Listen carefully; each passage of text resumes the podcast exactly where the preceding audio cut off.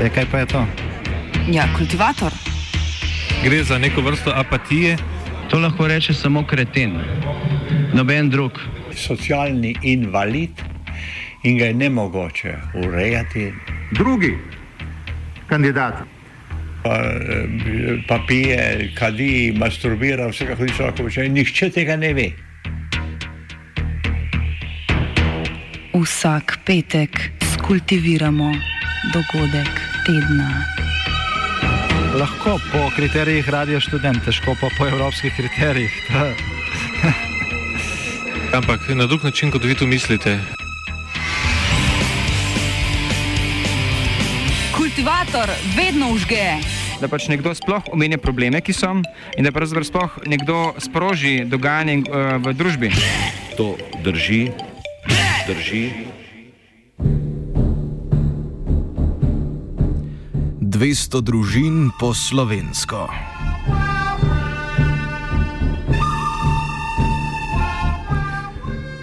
Najmočnejši gospodarski zavodi so banke, še večji, kakor dobički Dunajskih, so oni budimpeštovskih velikih bank.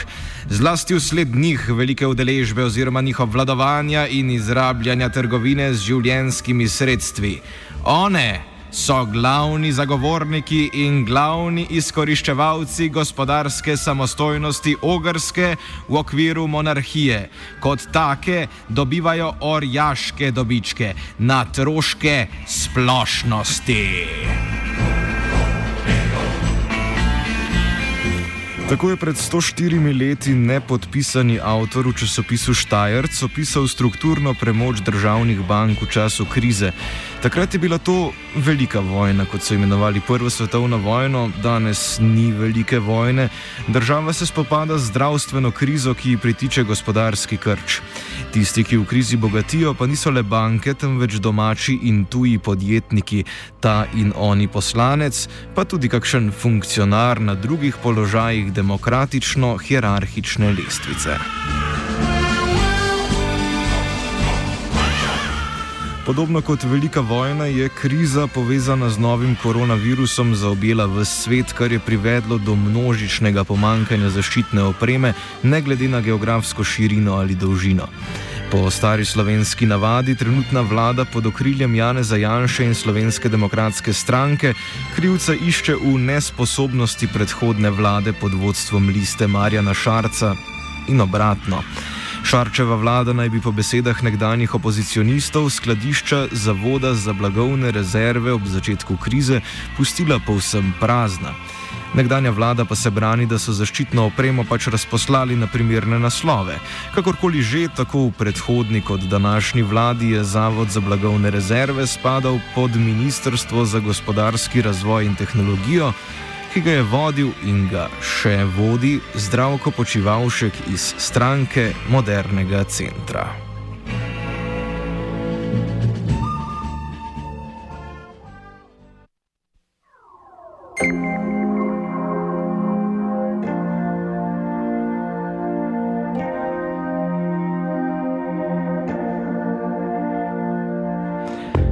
Krizne razmere so zahtevale hitro delovanje, na ministrstvu pa so zatorjevali, da se zavedajo nevarnosti morebitnih prevar pri nabavi zaščitne opreme in se na podlagi tega odločili, da predplačil ne bodo izvajali.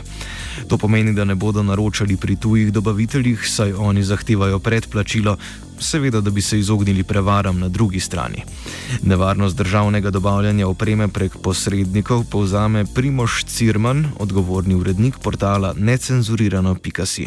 Poznamo primere, recimo sosedne Hrvaške, ki je opremo kupovala neposredno od držav, eh, pogajala se z diplomatskim aparatom.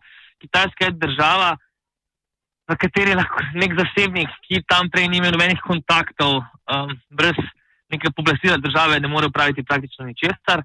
Skratka, gre za posle, ki morajo biti vodeni na državni ravni. Um, v Sloveniji so nam vse čas razlagali, da um, nikakor, seveda, um, ne morejo naročati blaga v tujini, kar se je izkazalo za laž, kajti zakonodaja to dovoljuje, nakupe neposredno od tujih kupcev.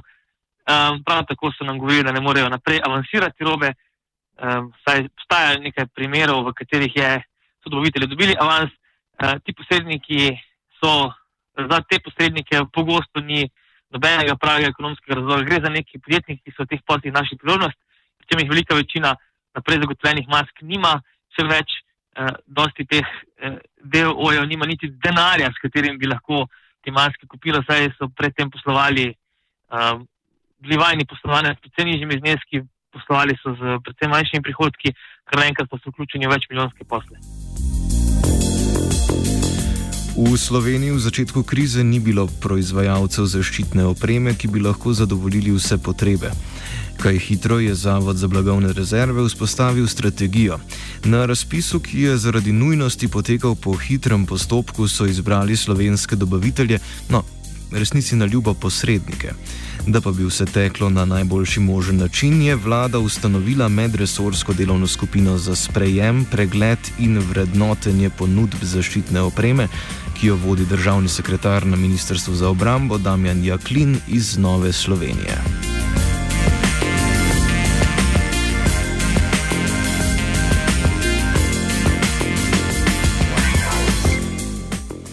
55 pogodb za dobavo zaščitnih sredstev znaša v celoti 181 milijonov evrov, a se na Ministrstvu za gospodarstvo zavedajo, da vseh ne bodo izpeljali. Zataknilo se je namreč že čisto na začetku, konec prejšnjega meseca. Prva velika nabava zaščitnih sredstev je potekala prek posredniškega podjetja Labena DOO ki opreme ni imelo in je zato uporabilo še enega posrednika, podjetje Global Promet iz Bosne in Hercegovine. Tudi slednje opreme ni imelo in jo je želelo kupiti od še enega podjetja iz Bosne in Hercegovine, Vincor Group.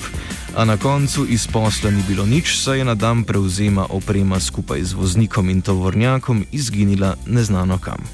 To je bil prvi večji odmenjši nakup mask, ki se um, evidentno ni posrečil, hkrati pa je razkril, kakšne so, v bistvu, kakšen je način drža, eh, delovanja države pri nakupih mask.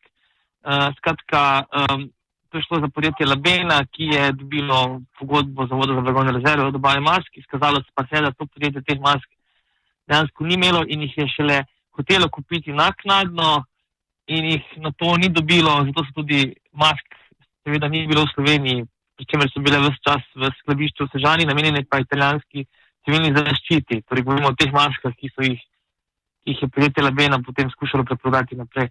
No, ampak ta afera je v bistvu razkrila dvoje.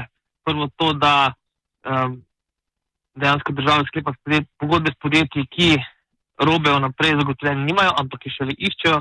In drugo, prve razpoke med dvema ključnima ministrova za državljanje za dobavo, to sta Zdravko Počevalšek, ministr za gospodarstvo, katerega sodi zavod za blagovne rezerve in pa Matej, to je ministr za obrambo.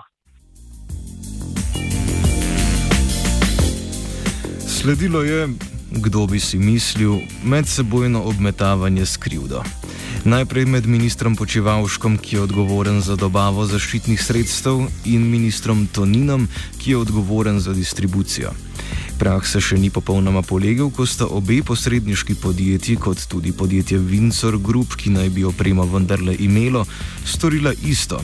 Vsi so zagotavljali, da največ izgubljajo oni, drugi pa so jih prevarali. Dejstvo je, da je bila oprema nekaj časa v skladišču v Sežani, namenjena pa je bila italijanski civilni zaščiti, kamor je tudi prispela. Treh milijonov zaščitnih mask in ostale opreme, tako v Ljubljani na Zavodu za blagovne rezerve, niso nikoli videli. Spletke znotraj pogodb povzame Cirman. Ne vemo točno, kaj se je dogajalo. Vemo, da, pač, da je država s podjetjem Labena podpisala pogodbo, da je morala podjetje dobaviti maske in da jih do roka ni.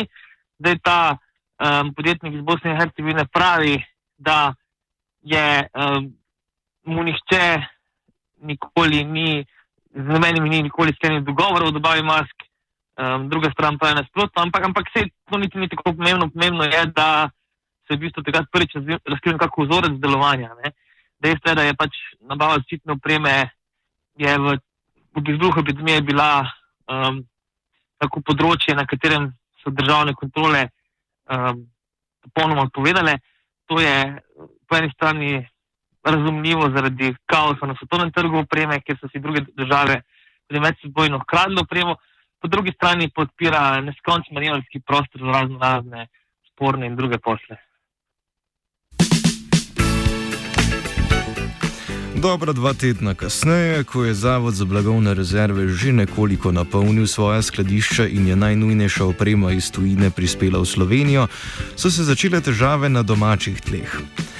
Novinari portala Oštro.si so odkrili, da je v podjetju Akron, ki je z državo podpisalo pogodbo o dobavi zaščitnih sredstev v vrednosti skoraj 30 milijonov evrov, zaposlena mama ministra za obrambo Joži Tonin. Minister je nemudoma zagotovil, da njegova mama ni lastnica podjetja in je trenutno na bolniški, zato noben od njiju ni vedel za pogodbo, čemu je pritrdilo tudi podjetje. Pa vendar je Matej Tonin na pogodbi naveden kot kontaktna oseba, Joži Tonin pa je v predlanskem letnem poročilu podjetja Akron zavedena kot vodja prodaje pisarniškega materijala. Morebitni in zaenkrat uspešno demantirani nepotizem v primeru dobavne pogodbe s podjetjem Akron ni edino gnilo jajce. Matej Cviter, sodelavec Radio Student in portala Oštro.si, opozarja na zelo dolg dobavni rok v trenutnih razmerah. Tukaj je mogoče ena taka zanimiva stvar, da podjetje Akron, uh, ki je bilo pač izpostavljeno javno zaradi tega, ker je tam zaposlena tudi mama obramnega ministra, uh, ima en dobavni rok za uh, dobavo zaščitnih mask 31. juli. Zdaj, nisem jaz uh, strokovnjak, da bi tukaj ocenjeval, ali je to upravičeno ali ne, vsekakor pa m, se poraja vprašanje, ali ne bi bilo do 31. julija mogoče dobaviti mask tudi z uh, nekim odprtim uh, razpisom. Pomembno bo torej spremljati, dokdaj bo Zavod za blagovne rezerve naročeval zaščitno opremo po hitrem kriznem postopku, kjer se hitro izgubi transparentnost. Nadaljuje Twitter. No, meni se zdi, da kar je treba biti pozoren, je predvsem to, uh, dokdaj bojo trajale nabave preko tega postopka, preko katerega zdaj nabavljajo. Uh, Zavod za blagovne rezerve to nabavlja preko nekega skrajšanega postopka, oziroma postopek uh, s pogajanji brez predhodne objave, ki je pač namenjen v bistvu takim primerom in tudi Evropska komisija je dala v neke smernice državam glede uh, javnih naročil uh, v zvezi z to epidemijo, kjer pač nekako izredno pravijo, da je dopustno uporabiti tak postopek, da to samo po sebi ni sporno. Se mi pa zdi, da je treba biti pozoren na to, dokdaj uh, bo Zavod za blagovne rezerve uh, še naročil opremo po tem postopku. Ne? Na kateri točki se bojo oni odločili, da zdaj pa imamo v bistvu mi zalog te zaščitne opreme dovolj, da se lahko nadaljne nabave um, opravljajo preko odprtega postopka, sprav z javnim razpisom, morda z javnim razpisom z nekim skrajšanim rokom za prijavo. Ne?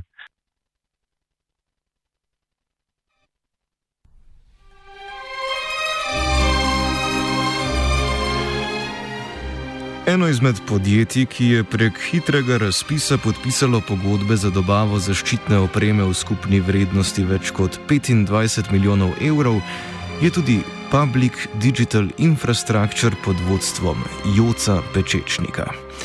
Pri tej pogodbi se ni zalomilo z morebitno prevaro tujih podjetij ali sumom nepotizma, še več, Joc Pečečnik je bil izredno zadovoljen s sodelovanjem državnega vrha.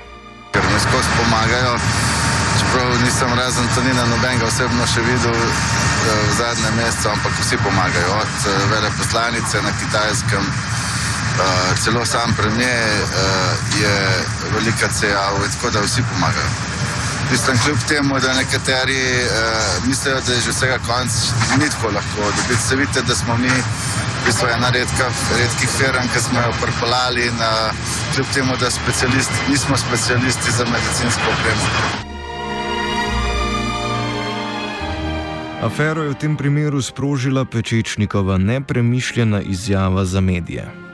To so zelo vplivni Kitajci, ki so milijarderji in ki imajo dobre politične veze, na način, da smo enostavno iz tovaren ukradli določeno kvoto opreme in smo jo poslali v Slovenijo, ker drugače ni bilo mogoče dobiti.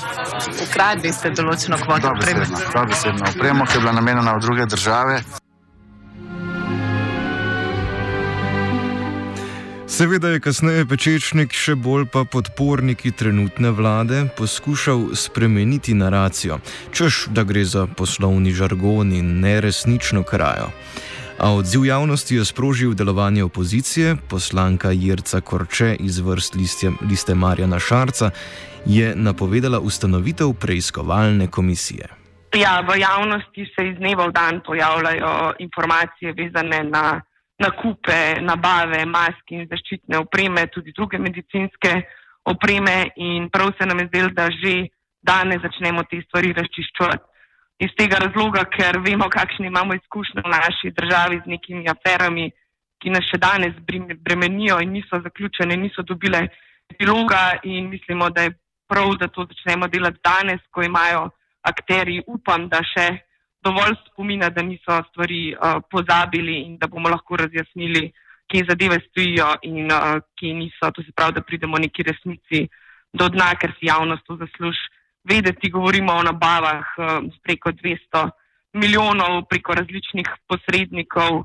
Vemo, da se pojavljajo tudi sumi o tem, da so neke družinske povezave v javnosti. Dva ministra podajata uh, totalno kontradiktorne informacije. In jaz mislim, da tukaj opozicija nima za storiti nič drugega, kot da uvede preiskovalno komisijo. Pot do ustanovitve je še dolga, stekli pa so prvi postopki. Nadaljuje Korče. Ja, zdaj preiskovalno komisijo lahko v državnem zboru ustanovi tretjina uh, poslancev. Tukaj smo že bili v opoziciji uh, na vezi, kako in kaj. Končno besedilo usklajujemo, ker mora imeti uh, vseboj vse elemente, da se sploh lahko ustanovi preiskovalna komisija in tukaj smo še posebej pozorni, da bomo pravilno oblikovali predmet uh, preiskave, ker vemo, da so zadeve tako v zraku in tako odprte, da je tudi samo odredbo mogoče malo težje spisati, kot je bilo pri kakšnem drugem uh, primeru v preteklosti, če govorimo o preiskovalnih komisijah, ki so v državnem zboru že potekale. In jaz upam in verjamem, da bo to storjeno v najkrajšem možnem času. Potem, ko je ta zadeva pripravljena, jo pogledaš zakonodajno pravna služba, uskladili se bomo tudi z ostalimi opozicijskimi strankami, da dodajo mogoče še neke svoje ideje in pomisleke in potem gre to uh, v potrditev državnemu zboru, da se ta komisija ustanovi.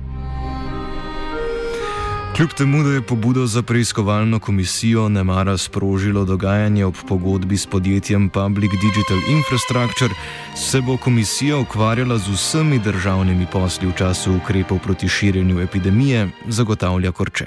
Ne, ne bomo se osredotočali na kogarkoli posamezno. Uh, začeli bomo z zasliševanjem prič oziroma tistih ljudi, ki nam lahko podajo relevantne informacije, da se razjasnejo dejstva in verjamem, da tudi tekom eh, same preiskave se bo pokazalo, koga bi bilo smiselno povabiti, koga povprašati. Iskalo se bo seveda politično odgovornost, tako kot jo išče vsaka preiskovalna komisija v državnem zboru. Seveda, če zazna oziroma če pridobi zadeve, ki so vredne za kazenski pregon, pa to potem preda ostalim pristojnim organom, da oddelajo svoje delo, tako da glede na to, da je zadeva v bistvu v teku, te nabave niso, še vedno potekajo nabave iz dneva v dan, vidimo fototermine, kaj vse se dogaja v naši državi, verjamem, da se bo neka dejstva tudi sproti skozi preiskovalno komisijo razjasnevala, oblikovala in da bomo videli, kam vse sižajo določene lovke teh obotnice. Kot vse kaže, bo komisija imela polne roke dela, saj se sporne nabave zaščitne opreme niso končale s pečečnikovim nespretnim nastopom. Sredi aprila se je ministr za gospodarski razvoj in tehnologijo Zdravko Počivalšek pohvalil, da slovenska podjetja s strašansko hitrostjo proizvajajo zaščitno opremo, kmalo pa so sledili očitki. Koroške občine so namreč prejele pošiljko zaščitnih mask, sestavljenih iz papirnatih robčkov in kuhinjskih gumic. Proizvedlo jih je podjetje Kores Sorting Group, iste surovine in tehniko pa uporablja tudi drugo dobaviteljsko podjetje Zaščita Lukač. Skupna vrednost pogodb z obema podjetjama znaša 860 tisoč evrov po ceni približno 80 centov za kos. Minister Počivalšek je očitajočim županom na socialnih omrežjih odgovoril, da je Univerzitetni klinični center Ljubljana preveril vse maske slovenske proizvodnje in vse naj bi ustrezale pogojem. A klinični center je trditev ovrgel. Maske so primerne le za splošno populacijo in tako nimajo potrebnih certifikatov za medicinsko uporabo. Povzame Cirman. Dejstvo je, da gre, ne gre niti za maske, ampak gre za papirnate serviete, pripete na dve eh, elastični gumici. Eh, te tako imenovane maske niso prestale nobenega testiranja, niso bile nobenega certifikata v UKC Ljubljana so preverjali zgolj, ali prtički, ki, ki pač predstavljajo ugrodje te narekovaje maske, um, prepuščajo vlago ali ne. In um, skratka, medtem ko počevaš še razlaga, da gre tukaj za nek produkt domačega znanja, je dejstvo, da gre za, rekel, ne, predvsej neposrečen izdelek, katerega uporabnost je vprašljiva, o čemer priča tudi to, da so nekatere občine že napovedali, da bodo pač te tako imenovane maske vrnile nazaj.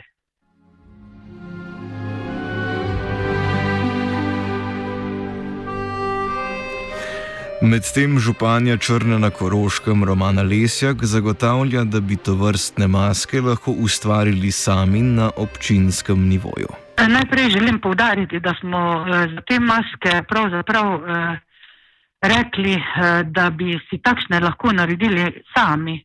Eh, in da ne bi bilo potrebno toliko sredstev nameniti, ampak da bi lahko država ta transfer namenila mogoče socialno šipkejšim oziroma tisti, ki v teh kriznih časih pomoč potrebujejo. Drugače pa smo zaenkrat te maske skladiščili in se bomo eh, v civilni zaščiti odločili, kaj bomo naredili z njimi, eh, kako bomo dobili še dodatne odgovore uprave za zaščito in reševanje. Na občini še vedno čakajo na uradni odgovor vlade, po večini bodo maske zaenkrat romale v skladišča.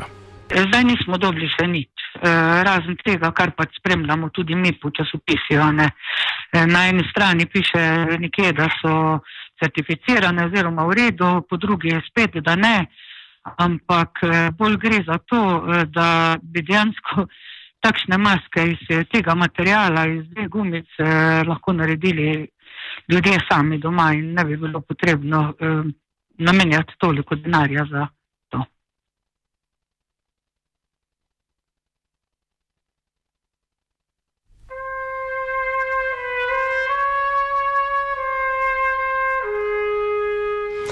Okoriščanje posameznikov med krizami se kaže v različnih oblikah. Medtem ko javnost sumi, da so si nekateri podjetniki in politiki napolnili žepe, drugim očita nabiranje političnih točk. Eden izmed takih naj bi bil predsednik krovne Evropske nogometne organizacije UEFA Aleksandr Čeferin. S pomočjo prijateljskega odnosa z direktorjem spletnega trgovskega portala Alibaba Jackom Majem je Čeferinu uspelo izpogajati donacijo v obliki 300 tisoč zaščitnih mask. Za to dobrodušno potezo se mu je sprva zahvalil sam veliki vodja vlade, a zaradi političnih interesov kmalo začel medijsko vojno proti predsedniku UEFA. Čeferin je namreč vlado okrcal, da naj ne bi ulivali upanja prebivalstvu. Klasične politične igre torej.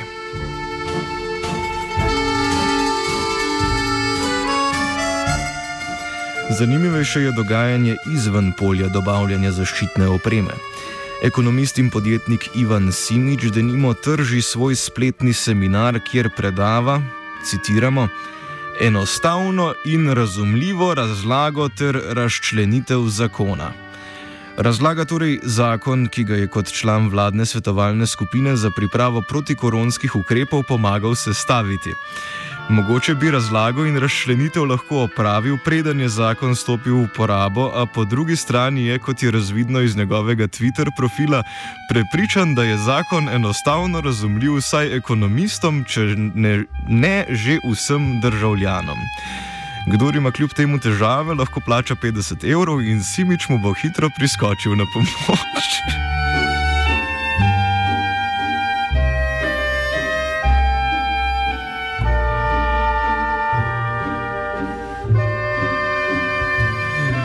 Za konec pa se na hitro ustavimo še pri zabavnejši temi - alkoholu. Državne sekretarje opozarjamo, da je alkohol zabaven le, ko ne vozimo. To je razvidno že iz praktičnega primera. Franz Breznik, državni sekretar na Ministrstvu za notranje zadeve pod vodstvom Aleša Hojsa, je medtem, ko je uporabljal službeni avtomobil za osebni sestanek z Izetom Rastoderjem, bananskim elčapom, prekoračil dovoljeno mejo stopnje alkohola v krvi. Seveda alkohol ni nevaren le zato, ker lahko, če kazni ne skrijete dovolj dobro pred javnostjo, izgubite službo na državnem sekretarijatu, ne pa v parlamentu. A to verjetno veste bolje kot Breznik. Potem, ko smo preleteli spletke politične jare gospode, Cirman še opozori, da so vse te afere le simptomi sistemskih težav v Sloveniji. Čas epidemije se je Slovenija na področju kupovanja zaščitne opreme pokazalo vse tisto, kar je v naši državi narobe. Posle, ki morajo biti nekako najbolj transparentni, najbolj zanesljivi, so se izkazali za novo mučvire, v katerem eh, lahko potencialno cvetijo razno razne sporne, tudi koruptivne prakse. To pa seveda nazaj vse skupaj pokazala eh, preiskava. Eh, kot že rečeno, torej stanje je razumljivo, da je dogajanje dokaj kaotično, glede na razmere na svetovnem trgu opreme, vendarle Slovenija ima diplomatski aparat, ki bi moral biti v dobo mask vključen tako kot od samega začetka. Eh, in tukaj predvsem vidim težavo v polni odsotnosti neke operativne verige odgovornosti. Eh, ki se najbolje kaže v dejstvu, da so tako rekoč ministri osebno podpisovali dobavnice, se rokovali šoferi teh tovornjakov in, in to izkoriščali za fototermine. Skratka, mislim, da bo pač v naslednjih mesecih prišlo na dan še precej več podatkov, ki nam bodo v bistvu razjasnili, kaj vse se je dogajalo v tem času in bojim se, da je že danes to ena, ena od večjih afer eh, tega leta.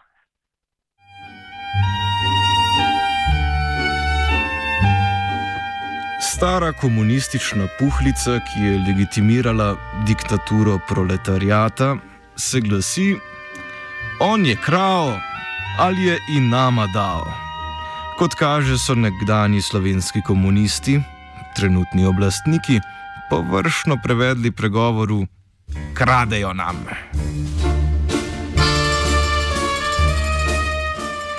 Virusno dobičkarstvo je kultiviral kdo drug kot Virant.